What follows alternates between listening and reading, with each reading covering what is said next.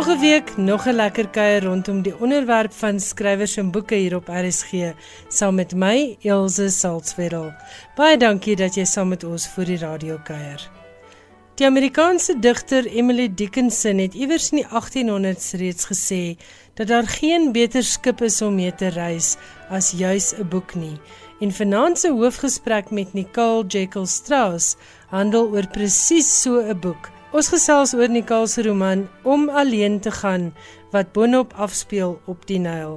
Daar's nuus oor die nuutste US Woordfees kortverhaalbundel en Johan Meiburg wys sy hele internasionale insetsel aan die Nobelpryswenner vir letterkunde, Abdul Razak Gurna.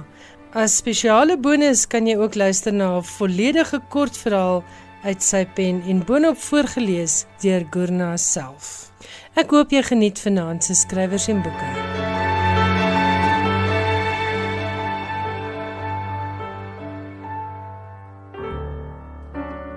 Ek gesels vanaand met Nicole Jekyll Strauss. Ons het al voorheen met haar op skrywers en boeke gesels.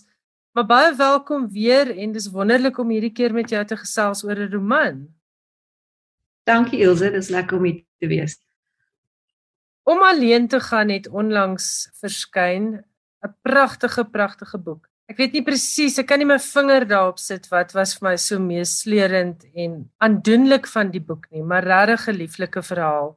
So vanaand wil ek fokus op om alleen te gaan, maar ek wil ook met jou praat oor jou vroeë werk, waar skryf jy jou begin het? So kom ons begin daar. Het jy altyd geskryf? Ek was altyd lief vir skryf, maar dit nooit soort van as 'n loopbaan in my vir myself um in die vooruitsig gestel nie. Ek het reg gestudeer en gepraktiseer en toe het ek op 'n later stadium 'n meestersgraad in skepnis skryfkunde gaan doen by die Universiteit van Kaapstad onder professor Etienne van Heerden. En my teses vir die meestersgraad is gepubliseer as my eerste bundel kortverhale Maal En toe het ek daarna nog 'n bundel kortverhale gepubliseer en na die twee was ek lus om 'n nuwe uitdaging uit te probeer en om te sien of dit dalk sal werk as ek my hand aan 'n roman slaan. En ehm um, ja, om alleen te gaan is nou die produk daarvan en ja, ons sal nou sien maar hoe suksesvol dit is, maar dit was vir my 'n baie lekker proses en baie geniet om die roman te skryf.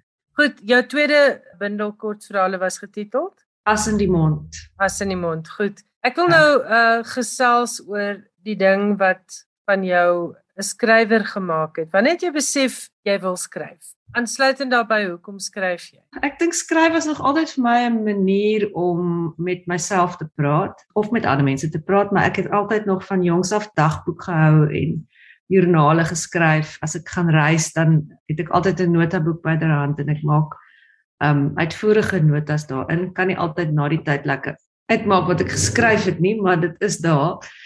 En um, ek het met tye oor see ook gewoon en dan het ek baie briewe geskryf, aande omgesit en briewe geskryf en mense het vir my gesê dit is vir hulle so lekker om te lees en hulle kan sien waar ek is en die dinge wat ek ervaar en hoekom skryf ek nie 'n boek nie. En agter dit was dit nooit vir my 'n realiteit nie, soos ek sê ek het nou reeds 'n ander loopbaan gekies.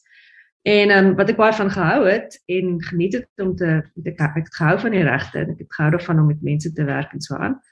Maar ehm um, ja, toe ek nou daai loopbaan verwel roep toe my kinders gebore is, het ek het ek het ek iets anders gesoek om om te doen en skryf dit so half toe natuurlik in in plek geval. En ek het eers net 'n paar kursusse hier en daar gedoen en toe het ek besluit omdat dit so 'n moeilike proses is en so moeilik is om jouself te beoordeel dat ek 'n buitemening nodig het. En van daar toe nou die meestersgraad want ek het gedink as ek inkom vir die meestersgraad en as ek dit suksesvol kan afhandel, dan kan ek daarom seker skryf of ek kan ten minste probeer skryf. En ja, dit is hoe dit gebeur het. Dit is my lekker, dit is my belangrik, dit is my 'n deel van my lewe amper soos gaan stap en asemhaal, jy weet, mens ek moet dit doen en as ek as ek partye nie skryf nie, is ek 'n minder gelukkige mens. Om alleen te gaan ek dink dit was professor Joan Hambidge wat gesê het dit slaan bietjie weer terug op jou vorige twee bundels wat waar kos 'n groot rol gespeel het. So dis die een element van om alleen te gaan wat 'n mens dadelik ook opval. Die ander element natuurlik Egipte speel 'n groot groot rol in die in die roman. Die Nyl speel 'n baie groot rol en menseverhoudinge. So hoe het jy op hierdie verhaal besluit? Wat was die prikkel en hoekom spesifiek Egipte? Ek hou daarvan om te skryf oor plekke waar ek self was. Dit voel vir my dis meer autentiek en ek kan myself meer in die storie indink sonder dat ek alles hoef te verbeel want ek weet hoe dit daar lyk en ek was daar. So ons as gesin het so 'n paar jaar terug 'n reis Egipte toe onderneem. Ons het redelik tyd spandeer in Kaïro en ons het ook so 'n Nylvaart op die rivier gedoen. Nie op dieselfde tipe boot nie, dit was 'n groter boot, maar dit was dieselfde ervaring en die, ons het dieselfde tempels en dinge besoek. So meeste van die plekke wat in die roman genoem word, is plekke waar ek self was. Daar is hier en daar ietsie wat jy weet wat ek nou wat ons om een van die redes nie besoek het nie, maar meeste van dit is binne my eie verwysingsraamwerk en reis is my 'n geweldige inspirasie en ek wil daaroor skryf. So dit het net sin gemaak toe ek dink aan om volgende 'n roman aan te pak om dit te verbind met hierdie ervaring wat ek gehad het en waaroor ek graag wil skryf. Ja, so die reis self was die prikkel en dan jy weet die plot het maar so half mettertyd gekom. Dit is vir my altyd interessant om by skrywers te hoor wat het eers gekom, die karakter of die storie. Hoe werk dit in jou geval? Want jy is nou ervare met kortverhale en met 'n roman. Dit is nie altyd dieselfde vir my nie. Veral met kortverhale is dit baie keer 'n tema, baie keer is dit 'n plek, baie keer is dit 'n karakter spesifiek. Baie keer is dit iets wat ek wil sê en dan bou ek 'n storie rondom dit. Baie keer is dit iemand wat ek sien en dan dink ek 'n storie uit vir daai mens as karakter in my kop met die roman het ek die het ek die milieu gehad. Ek het 'n bietjie van 'n storielyn gehad wat ek op daai stadium saam met my man ontwikkel het en gedink het oor en gepraat het oor en so aan. En ek het geweet die hoofkarakter moet 'n vrou wees. En toe die karakter ontstaan. Kato is ek skat haar ek dink dit word ergens in die roman spesifiek gesê nie, maar ek skat haar laat 40s, uh, vroeg 50s heeltemal 'n uh, breek met haar verlede gemaak, 'n nuwe pad begin stap. Dan gebeur daar met haar iets traumaties en dis indirek hoekom sy in Egipte beland of nee, seker direk, nê, nee, hoekom sy Egipte ja. toe gaan.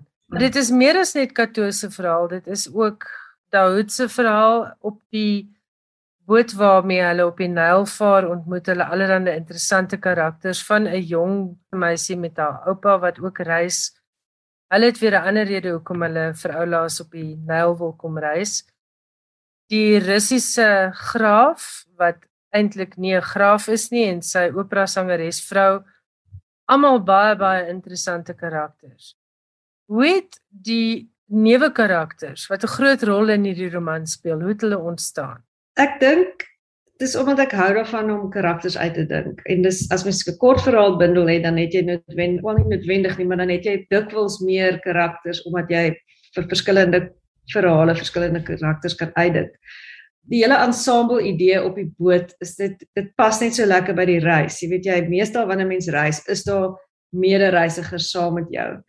En en dit was vir my lekker om met elkeen van hierdie karakters apart te werk en om vir hulle elkeen 'n identiteit te gee en belangrik sodat dit kan aansluit by die tema is dat hulle elkeen ook op een of ander innerlike reis is. Hulle is almal saam op hierdie uiterlike reis op die oog af vir dieselfde rede. Hulle wil op die Nyl vaar en hulle wil tempels gaan kyk, dis half hoekom mense dit doen, maar hulle almal het nog 'n rede, 'n innerlike persoonlike rede hoekom hulle hierdie reis ervaar. En hulle almal is in skakel op 'n manier by mekaar in. Jy het net gesê en ek het nooit die vraag geantwoord nie of opmerk gereageer op nie, maar dat die dat al my werk gaan oor menseverhoudinge en dit is dit is waar, dit is belangrik vir my om die verhoudings tussen mense te ontgin. So so al die karakters speel 'n rol in die opsig dat hulle help om ander karakters te verduidelik sodat mense hulle beter kan verstaan. Miskien meer insig kan kry. Hierdie mense deel ook almal 'n verlies. Party het 'n 'n emosionele verlies ervaar. Ander is besig om 'n verlies te verwerk vir party lê die verlies so effens in die toekoms van die reis. Dit was vir my 'n baie mooi manier om die karakters ook met hierdie onsigbare naaldstring met mekaar te verbind. En hulle het nie eintlik almal besef hulle ervaar dieselfde emosies, maar dit wys op verskillende maniere nie. En o ja, ek het vergeet ja. daar's nog die twee dokters ook wat saamgevaar het, né, wat ook ja, uh, so half die die een dokter wat altyd die onvanpaste dinge sê, maar Die agtergrond van die reis op die Nyl, dit was 'n fantastiese voertuig vir hierdie roman. Want mens kry so half die idee van 'n rustige vaart waarop dinge ontvou. Dis dis vinnig genoeg, maar dis ook stadig en rustig genoeg dat die storie heeltemal kan ontvou. Langs die pad besoek hulle museums waar 'n klomp simboliek by die verhaal ingebring word. Hulle besoek dorpies waar tradisies en goed van die land self weer ingebring word. Hoe trou mens al hierdie temas en hoe hou jy al hierdie drade bymekaar? Ek moes versigtig wees om nie te veel detail in te sit nie. Ek het van die goed wat ek aanvanklik ingehaat het, het ek gesny want mense wil so graag alles vertel. Jy weet, jy wil so graag die volledige prentjie skep. Maar jy kan nie want dit is nie, jy weet, dit is nie 'n boek oor Egipte nie. Dit is 'n boek oor karakters wat hulle toevallig of nie, maar in Egipte bevind. So ek moes baie versigtig gewees het om nie te veel geskiedkundige en kulturele verwysings te gee nie en om spesifiekes te gaan kies wat 'n verband hou met die temas van die storie. So ja, so ek het ek het versigtig daarmee te werk gegaan en, en ek het met met die doel voor oë dit gedoen om nie net likrake verwysings te betrek nie, maar om iets te goed te betrek wat regtig deel vorm van die van die tema en van die karakterontwikkeling en van die ontwikkeling van die verhaal. Ek het dit ook geniet dat jy vir Daoud ingebring het wat tipe van die verhaal anker binne sy eie land en die kontraste van Egiptenare wat nooit ooit al die toeriste plekke eers te sien kry nie. En Daoud is 'n angry young man. Wat jy aan hom gekom? Ehm um, ek het hom uitgedink, jy weet daar's mens sien dit heeltyd om jou. Mense wat in opstand kom teen teen wat vir hulle voorgesê word om te doen, jy weet teen 'n stelsel wat op hulle afgedwing word. In die Midde-Ooste vir kulturele redes is dit dikwels mans wat die beeld van die opstandelinge dra. Hy het maar net so half aangemeld. Dit was nie dat ek gaan sit en dink dat hy moet so oud en so dit was maar net amper 'n iets wat mense uit jou verwysingsraamwerk uittrek en wat dan sin maak in daai rol. Maar hy simboliseer ook vir my mense wat 'n mens hier in Suid-Afrika rondom jou sien. Ja, mense ja. wat voel hulle word in 'n sekere vorm gedwing en op 'n dag dan dan knak die vorm. Hoe het jou navorsing rondom die Egiptologie, as dit nou die regte woord is, gewerk want ek het eintlik niks van Egipte geweet en van die Egiptiese gode. Baie van die dinge wat jy in die museums beskryf het was vir my baie interessant. En dis nie eintlik 'n aspek van die geskiedenis waarmee almal van ons bekend is nie. Moes jy baie navorsing doen? ek het baie navorsing gedoen, maar dit het jy weet oor 'n tydperk want ek ek is mal oor reis, maar vir my is die die voorbereiding vir 'n reis is baie keer net so lekker en interessant en opwindend soos die reis self. Ek sal voor 'n reis reeds gaan lees oor wat ek wil sien, wat ek nie hoef te sien nie, roetes beplan. Ek's vreeslike um organiseerder van 'n reis vooraf. My man is teenoorgestelde, hy wil net gaan en dit gaan ervaar. Ek hou daarvan om te weet ek gaan nie uitmis op iets nie. So baie van daai navorsing het alreeds begin voordat ons op ons reis gegaan het, maar dit klop blyklik dan meer in in in toeriste gidse en jy weet daai tipe van toeganklike leesstof vir mense wat gaan reis. En toe ek nou terugkom na die roman toe, het ek vanuit daai bronne en die dinge wat ek gesien het verder gaan soek op die internet en ek het 'n paar boeke gekoop. Ek het 'n lesingsreeks bygewoon by UCT se somerskool in ek kan nie die jaar onthou nie maar wat spesifiek gegaan het toevallig ek was so bly toe dit daar was oor Egiptiese mitologie so dit was 'n 'n dosent 'n professor of ek kan onthou wat sy was nie maar wat van Amerika af gekom het en ek het heerlik na die lesing nog met haar ook gaan gesels oor goed so dit was baie waardevol en dan het ek hedendaagse weet mense boeke ook gelees wat jonger skrywers geskryf het wat uh, ervaar het die die ag ekskuus ek is nou in die verkeerde land Tagrierplein um opstande ensovoorts. So jy weet dat ons 'n bietjie van navorsing oor oudhede en dan ook navorsing oor hedendaagse ervarings. Ek het dit ook nogal interessant gevind hoe jy hierdie twee karakters Kato en Daoud bymekaar bring. Hy wat op Tagrierplein was sy wat op haar eie manier 'n revolusie beleef het wat heeltemal 'n omeswaai hier in die middel van haar lewe gemaak het en dan sy wat 'n moeilike kind het en wat op 'n manier Daoud se woede uit daardie oogpunt ook sien en verstaan. So baie baie geluk met hoe jy die storie geplooi het. Dis 'n ongelooflike leeservaring vir my gewees. Die titel is ook dubbelsinnig want om alleen te ja. gaan is om alleen te reis, maar ook om alleen dood te gaan. Was dit vir jou 'n moeilike ja. ding om 'n titel te vind? Wat was jou werkstitel byvoorbeeld vir hierdie roman? My werkstitel was Katarak, omdat daar so groot katarsis amper by die katarak self plaasvind en ek hou van die woorde is my sterk. Ek hou van enkelwoordtitels. Ek het baie daarvan gehou, maar dit is 'n harde titel. Mense weet nie noodwendig wat dit beteken nie. Kyk ook natuurlik die verwysing na die katarak voor jou oë. En ja, ek het ook nou op die ou en met dit gaan na ander mense toe toe toe moet ek nou maar aanvaar hierdie titel gaan iets anders moet uitdink en toe het ek nogals gesukkel om iets nuuts te kry maar jy sou gesien het in die aanhaling uit Elsa Joubert se boek wat voor in die boek is verwys sy ook na of begin sy met om alleen te gaan. En toe dit dit klik toe besef ek maar dit gaan eintlik 'n baie goeie titel wees dit gaan lekker inpas en dit gaan lekker aanpas by die aanhaling So ek hou van die nuwe titel. Dit dit werk vir my. En dan Kato, ek dink ons almal ken baie mense om ons wat in 'n sekere stadium van hulle lewe net wil breek met alles waarvoor hulle bekend geword het, alles waarvoor hulle staan dalk met die tradisionele rolle wat aan hulle opgedwing is of wat hulle self gedink het die rolle is wat hulle pas. Is dit ook maar 'n vermenging van mense wat jy om jou gesien het, wat jy in Kato ingeskryf het?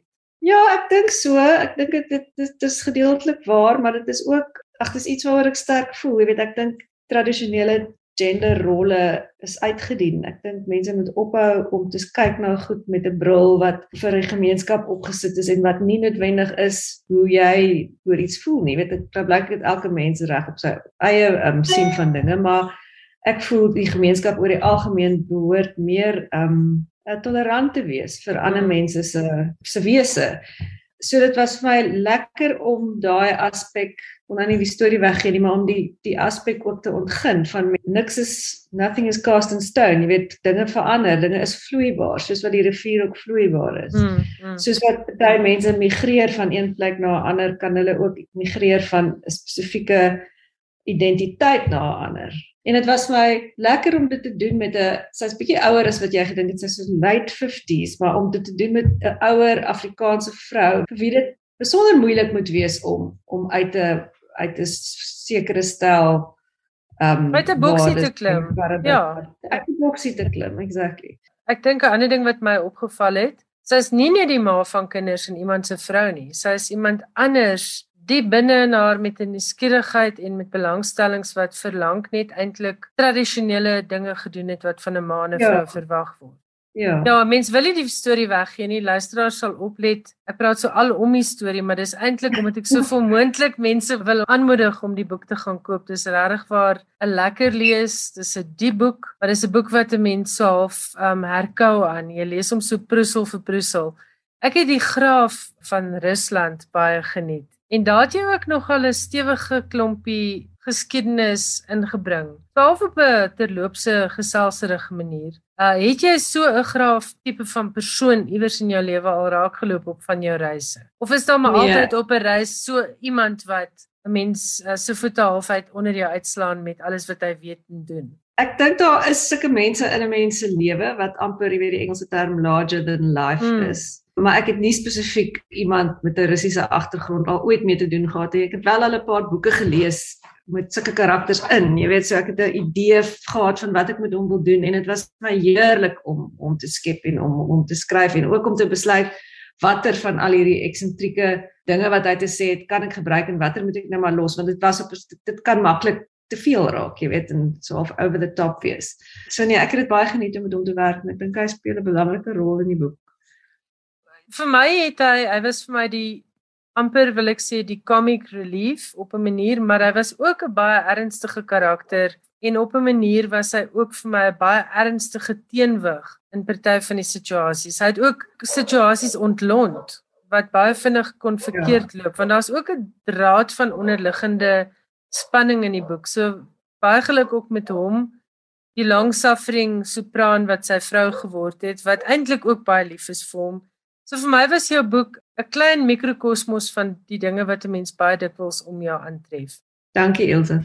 En so gesels Nicole Jekyll Strauss, ons het gepraat oor haar roman Om alleen te gaan. Dit word uitgegee deur Kolerie.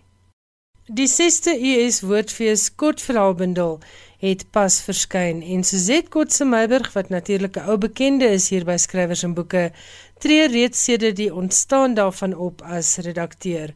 Sy is ook betrokke by die samestelling van die bundel en gaan vanaand 'n bietjie vir ons vertel hoe het hierdie bundel gegroei van die eerste jaar se 99 inskrywings waarvan almal voorheen gepubliseerde skrywers was tot vanjaar se 288 inskrywings wat byna eweveel ongepubliseerde skrywers se werk ingesluit het. Goeienaand Suzet, vertel ons asseblief 'n bietjie meer oor vanjaar se US Woordfeesbundel.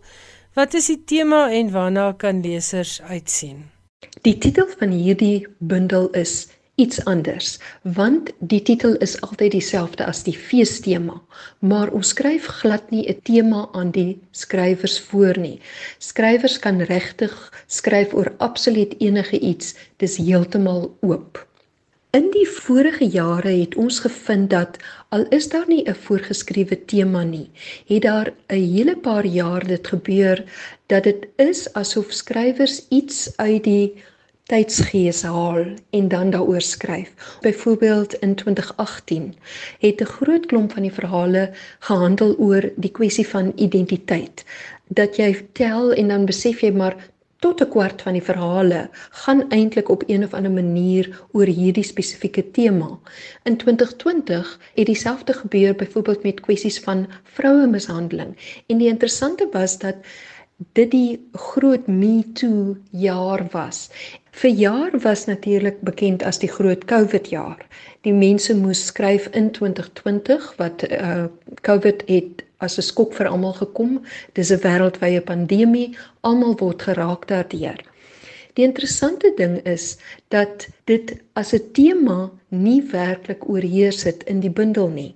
Daar was wel baie verhale, baie inskrywings het gehandel oor COVID, maar dit was meeste van die tyd nie regtig baie goeie verhale nie. Want 'n slim skrywer weet dat wanneer jy 'n obvious tema het soos COVID, dan moet jy dit juis op 'n manier aanpak wat nie obvious is nie.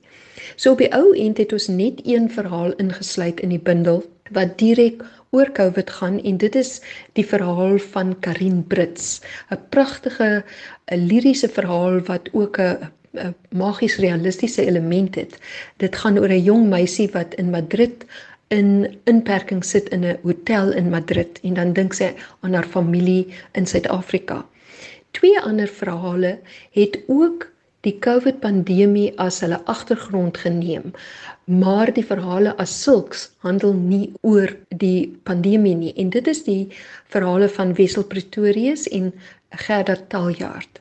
Maar vir die res het die skrywers eenvoudig so wyd soos die Heer se genade die temas gemaak en dit het vir my asof dit 'n bietjie dui op amper die versplintering wat COVID ook vir mense gebring het. Ons is almal saam in hierdie een ding wat almal getref het, maar dis asof mense heeltemal individueel gereageer het op dit.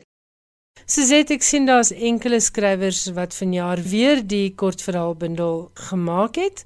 Vertel vir ons 'n bietjie meer van hulle en ook van die geskiedenis van die Woordfees kortverhaalbundel oor die jare.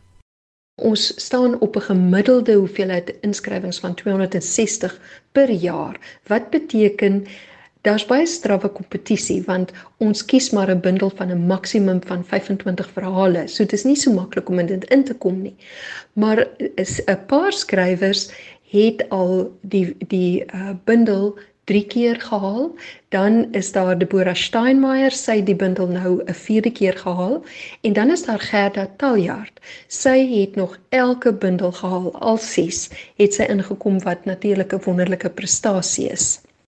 Wat ons deur die jare gevind het, is dat daar omtrent 'n gelyke hoeveelheid uh skrywers, gevestigde skrywers en nuwelingsskrywers is. Uh dis asof daar dit dit dit as jy die die name gaan tel, dan is dit elke keer so naby aan mekaar om die helfte gedeel vir die sê nou maar 25 verhale wat ons vir die bundel uh soek.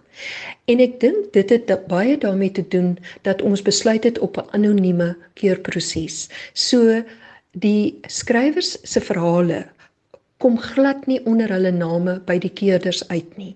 Dit is heeltemal anoniem. Ons wat die keerders is, hierdie jaar was dit uh ek Walda Jansen en Marius Swart het geen toegang tot die verhale nie. Ons kry dit op papier, ons lees dit op papier en ons beoordeel dit op daardie manier. En wat dit doen om anoniem te keer, is dat dit al die skrywers eintlik op 'n gelyke speelveld plaas. Wat baie lekker is en ek dink ons is een van die min uh, kortverhaalbundels wat op daardie manier saamgestel word. Hoe werk die beoordelingsproses en uit watter 3 verhale is die wenner vanjaar aangewys? soos die wedstryd groter en groter geword het, het ons op 'n punt gekom waar die drie uh samestellers nie meer al die verhale kon lees nie. Dit raak net te duur. So toe het ons besluit op 'n voorafkeerproses. En uit daardie voorafkeerproses word 'n kortlys saamgestel van 50 verhale. En dan ons wat die drie samestellers is, ek neem dan daardie 50 verhale en ons moet hulle verminder tot die beste 25. Nou die manier waarop ons dit doen is ons werk eenvoudig met 'n puntestelsel. So jy lees jou 50 verhale, elke verhaal kry 'n punt uit 10.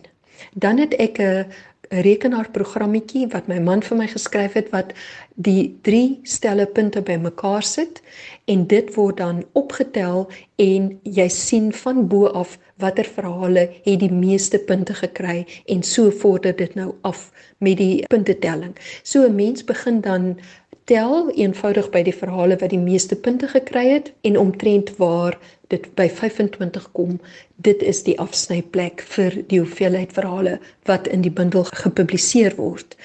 Dit is nie so dat die verhale nou letterlik uh sien nou maar drie verhale kry almal 9 uit 10 Ek kan nie onthou of enige van ons al uh, ooit vir 'n verhaal 10 uit 10 gegee het nie. So nou sal daardie verhaal 27 punte kry. Nou dit werk nie in 'n netjiese lineêre lyn dat 27 uh, uh 26 25 nie. Die verhale kry uh punte wat baie keer in kategorieë is. So daar sal byvoorbeeld 6 verhale sal almal uh hier op die uh laaste afsny kategorie lê wat gewoonlik hier rondom 23 punte is. Op daai punt het ons miskien nog net 3 plekke oor om die 25 van die bundels vol te maak. So hoe dit dan werk is, dan sê ek vir die ander samestellers, elkeen van ons uit hierdie kategorie van sê maar 6 verhale wat almal dieselfde punt gekry het, elkeen van ons wys een verhaal aan en sê ek wil daai verhaal in die bundel hê. Die keurproses vir die hoofprys van R30000 wat geborg word deur die Toeskloof Wyne werk dan eintlik op dieselfde manier. En met drie keerders het jy natuurlik ook die versekering dat een keurder se stem of se smaak kan nie oorheers nie want elkeen se stem vir 'n verhaal tel maar net 33%. So omdat daar nie hierdie drie duidelike finaliste van van die boepunt van die lys af na vore kom nie, gebruik ek dieselfde metode. So ek sê vir my mede of ons wat die keerders is, die samestellers, sê ons kies een verhaal as jou kandidaat vir die wenverhaal. En as twee van die drie keerders dan dieselfde verhaal nomineer, dan is daardie die outomatiese wenner. Dit het al twee keer gebeur. Andersins sit ons met drie finaliste en dan maak ons gebruik van 'n hoofkeurproses. En hierdie jaar was die hoofkeerders uh professor Louise Viljoen, professor Henning Snyman en Bettina Weingart. So hulle kry daardie 3 verhale wat die finaliste is ook heeltemal anoniem, maar reeds geredigeer en hulle maak ook van 'n puntestelsel gebruik. Hulle plaas ook die verhale in 'n rangorde 1 2 3 en daarvolgens word die wenverhaal dan bepaal. Nou hierdie jaar se wenverhaal is eensaamheid. Dis die die naam van 'n plaas, maar dit is ook die tema wat die skrywer Koen Basson op 'n baie interessante manier deurtrek in 'n verhaal wat nogal taamlik uh, indringend kyk na kwessies van besit, kwessies wat ook gaan oor misbruik, ras, die verlede wat inkom met grondkwessies. Dis 'n baie verwikkelde verhaal. Die interessante ding is ook hierdie jaar dat waar vroue voorheen al die al die jare is die prys oorheers deur vroue. Die al die vorige pryswenners was vrouens. Was hierdie jaar was is die wenner 'n man, maar ook die drie finaliste was mans en die ander twee finaliste was Brian Fredericks en Wessel Pretorius. Enige ander interessanthede oor vanjaar se woordfeesbundel? Daar was verskeie eerstes. Uh goed wat ons nog nie voorheen in die bundel gehad het nie. Daar was byvoorbeeld vir die heel eerste keer was daar 'n verhaal wat volledig in die tweede persoons verteller geskryf is en dit is Siska Julius se verhaal. Dan was daar 'n verhaal wat die wind as die verteller gebruik word. Dit het ek ook nog nie voorheen beleef nie want ek is altyd die ook die redakteur van die bundel en ek hanteer ook die produksiekant daarvan. Nou hierdie verhaal is 'n pragtige verhaal van Tarina Jordaan. Ons het ook vir die eerste keer 'n verhaal wat baie sterk op tegnologie fokus. Daar's 'n die hele kwessie van geofencing wat ek so min van weet wat ek moes gaan oplees daaroor. Daai skrywer is Karen Loots. Ons het ook vir die eerste keer 'n verhaal wat volwaardig as 'n fantasy verhaal kan beskryf word en uh Jaco van der Merwe het hierdie wonderlik interessante verhaal geskryf uh skaap aan die stertbeet Dan het ons vir die eerste keer twee sportverhale. Sportverhale is moeiliker as wat dit lyk, want dit moet 'n uitbeelding van aksie wees. So jy kry nie baie sportverhale nie. Maar ons het een wat oor rugby gaan deur Isabel Martinson en een wat oor sokker gaan deur Ilona Edwards. En dan die laaste snaaksigheid amper van verjaar se bundel is dat ons vir die eerste keer twee susters het wat saam in die bundel verskyn en dit is die digter Lynthia Julius en haar suster Siska Julius. Dit was Suzette Kotse-Meiberg. Baie dankie Suzette. As jy vanjaar se US Woordfees kortverhaalbundel wil bestel, jy kan dit bestel via die Woordfees kantoor. Gaan na www.woordfees.co.za vir meer inligting. En van skrywers en boeke se kant af, baie geluk aan Koen Basson wat vanjaar die wenverhaal geskryf het vir die US Woordfeesbundel. Skrywers en boeke. Alles wat jy oor die boekewêreld wil weet en meer.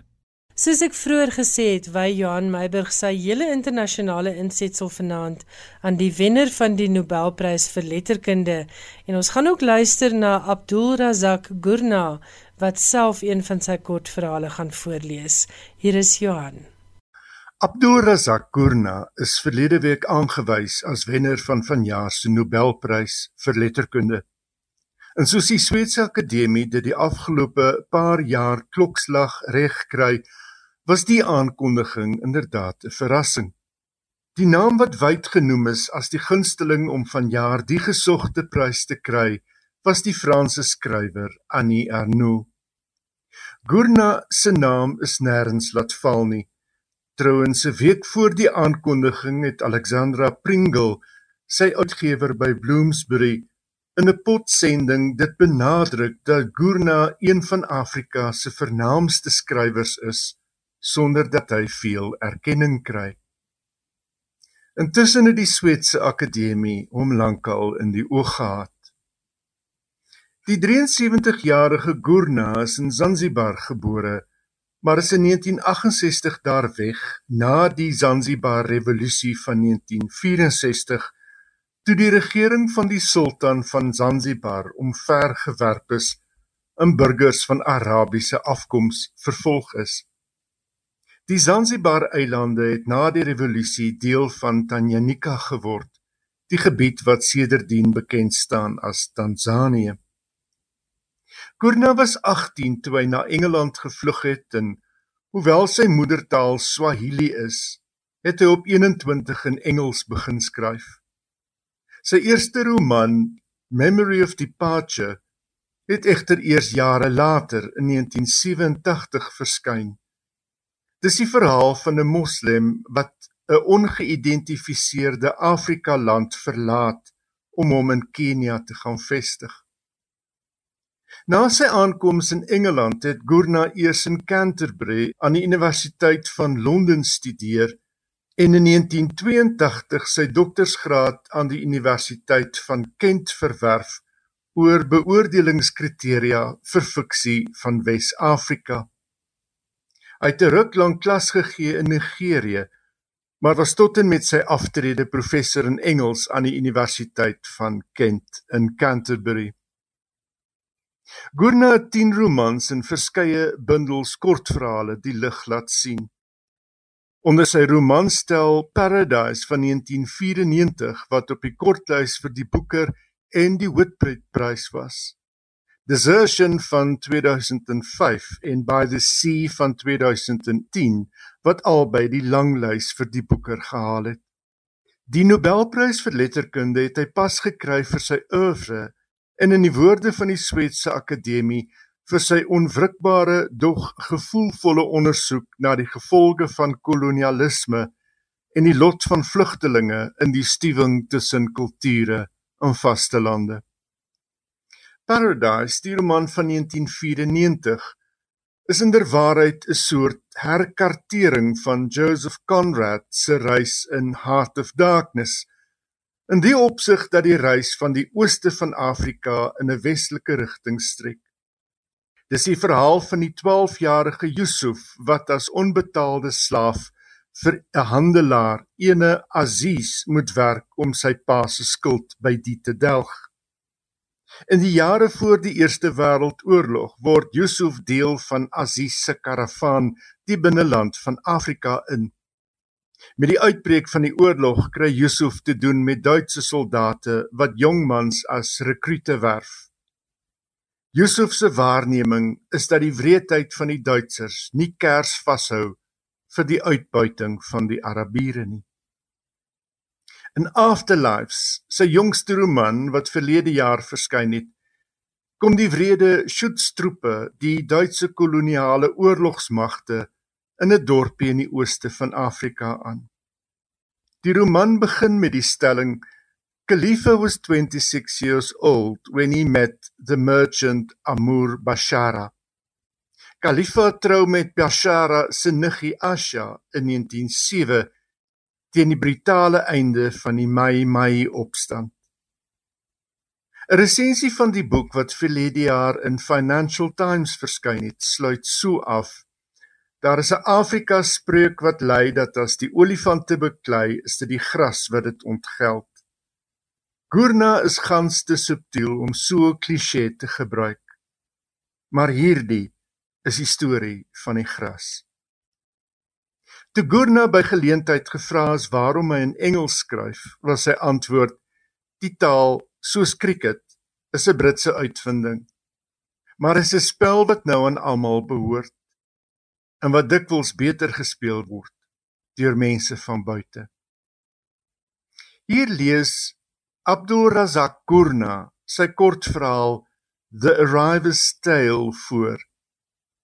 Die verhaal is opgeneem in 'n versamelbundel Refugee Tales wat in 2016 verskyn het.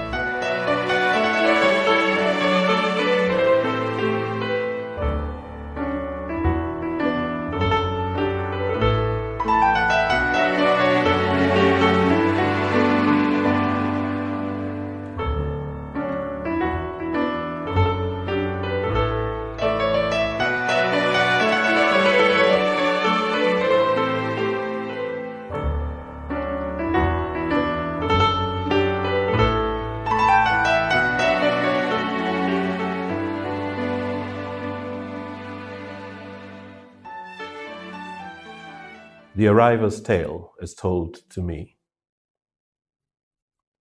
I came by air. It may sound odd to say that. What other way then? Some people walked. Many drowned. They were desperate. I wasn't desperate, but I was very frightened because I had made some people very angry with me. My crime was to tell the girls who attended my Sunday school that they should not agree to be circumcised. My Sunday school was supposed to be a reading and writing class, but I slipped in the good word any way I could. I told them circumcision was genital mutilation and a barbaric and backward practice. Men forced women to do it so they would know they were rubbish. The real intention was to hurt them and paralyze them and control them. When the day came for the girls to agree to the cut, six of them refused. I wasn't there, but I discovered what had happened that same night when I heard angry voices outside my house bidding me to come out and take a beating for interfering with their daughters. It was a Muslim village in a Muslim country, and though I'm a countryman, I'm a Christian who was now accused of interfering with their daughters. You can imagine my terror. When it quietened down outside and the angry people went away, perhaps to get more people to come and help them, I wheeled out my bicycle in the dark and rode away to safety in a nearby village. The next day, I heard that the thatch of my house was set on fire that night, and that the people who did it were still looking for me and talking bad. So I ran away to the city, to the office of the charity NGO I worked for. The officer there was an Englishman, Bernard. He was my friend. He told me he would find out about the fire, that I shouldn't worry, everything will be all right. But I thought I would go into hiding.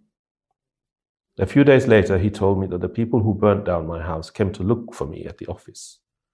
And they said they had some unfinished business with me. He told me to go to the police. that made me laugh. I didn't mean to laugh, it just came out of me. I told Bernard the police will beat me first and then hand me over to their brothers to finish the job. In that case, you have no choice but to stay in hiding because those men look dangerous. These bad people went back to the office several times looking for me. And in the end, Bernard suggested that I ran away to Britain to seek asylum. It is a Christian country, and you are a Christian worker, persecuted for doing Christian labor, Bernard said. He knew I would be given sanctuary, he said. Bernard himself was leaving, and he gave me his telephone number in London in case I needed him. How did I find the money for the fare? Friends helped me. My relatives promised to take care of my family. They could all see that my life was in danger, and this one spoke to that one until a fare for an Air Morocco flight to London was found. Friends arranged it all. So then I came by air, as I have already told you. And I arrived in London not knowing right from left, confused by the large spaces and the hushed crowds. But I talked myself into feeling strong, telling myself that I was doing something brave. I was wearing a suit I had made before I left, and which I still have and wear on special occasions. So I also told myself I was looking good. I was given some forms to complete, and I wrote what was necessary to save a life, and I was allowed to enter. I don't know how. I was confused and didn't know right from left, but somehow I said what was needed because I knew they would not turn me away. I was persecuted for doing merciful labor, and I knew that London would not turn me away. I rang the number Bernard gave me, and he was happy to hear from me. But he said I could not go and stay with him.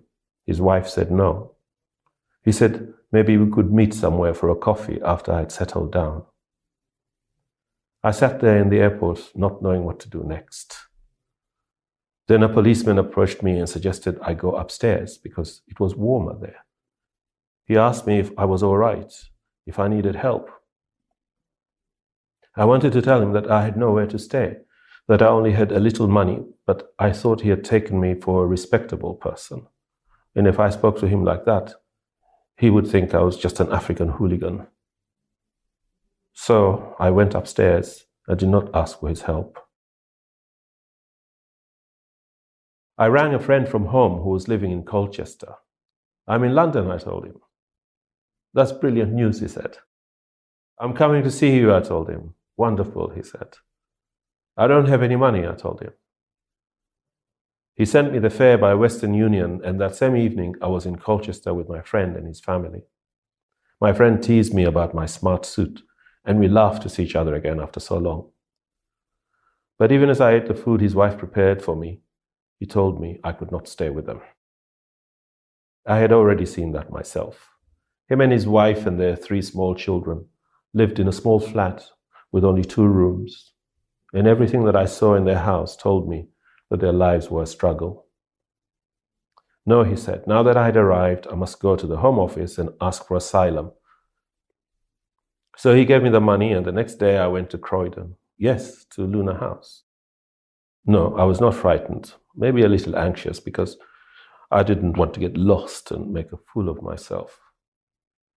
There at Luna House, a woman interviewed me and wrote down all my details. I told her that I was a campaigner against female genital mutilation, and my life was in danger in my home country. Yes, she said, I'm going to assign you emergency initial accommodation. Just sit there and wait now. By the end of the day, there were six of us waiting there, and we were all put in a van and taken to Barry House. There were 12 of us there, and we could go out if we wanted to. Mostly, I walked up and down the road, and if anyone looked in my direction, I smiled to show my gratitude for the welcome their country had given me. I stayed there for five days. We told each other stories of our escape from danger and death. Then three of us were sent to live in a house in Newcastle, where we stayed for a month. Then after that, I was given a flat in Glasgow and three weeks' money. And all this time, I was still waiting to be interviewed so that I could explain my need for sanctuary. I was eager for my interview because I knew that the officer would understand and sympathize with my reasons for coming here. In Glasgow, I met a Nigerian man in a shop and he invited me to church. Everyone was an African at the church, including the pastor. And at the end of the service, we were served African food prepared by the congregation. I found a community there and felt more welcome than I had ever felt since arriving. We had events and a day trip to the sea and to Stirling, which made the waiting less empty and anxious. After one month in Glasgow, I was called for interview. I was interviewed for five hours by three different people. All of them were calm and persistent. But I could tell from the way they asked me questions that there was something behind it. They did not believe me and as the hours passed, I began to think what I had not thought possible over the three months I had been waiting. They did not want me here. They did not like me. The result of the interview was that I was refused permission to stay. I felt as if I was something broken and discarded, thrown away with other broken things. I could not get over the stubborn and unruffled hostility of the officers.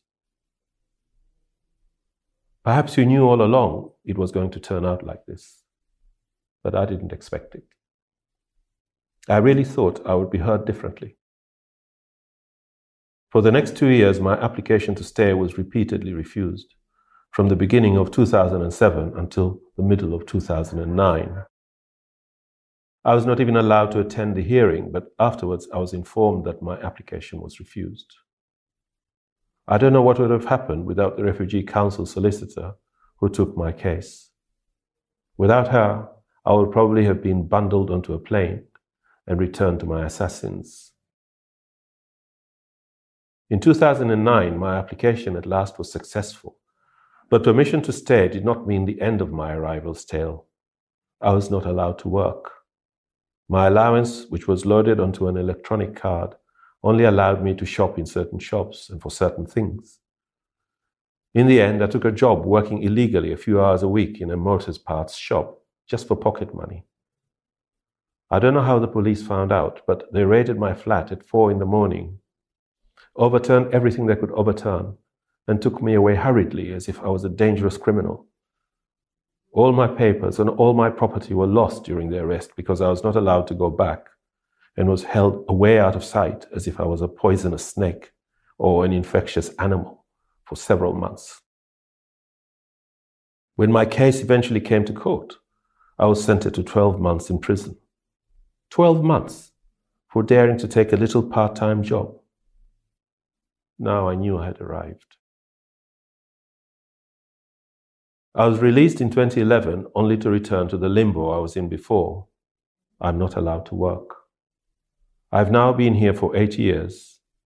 I have no choice but to live where I'm told to live and wait for the next hearing to allow my application to be considered. Do you know what limbo means? It means the edge of hell.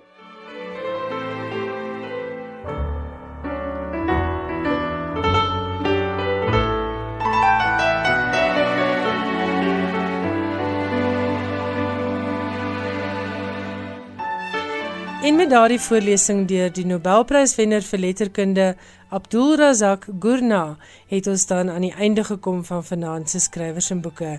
Baie dankie vir die saamkuier en onthou volgende Woensdag aand om 8:00 is ek en Johan Meiburg weer terug met nog skrywers en boeke nuus. Tot dan wens ek vir jou 'n wonderlike week toe met stapels fantastiese leesstof. Totsiens.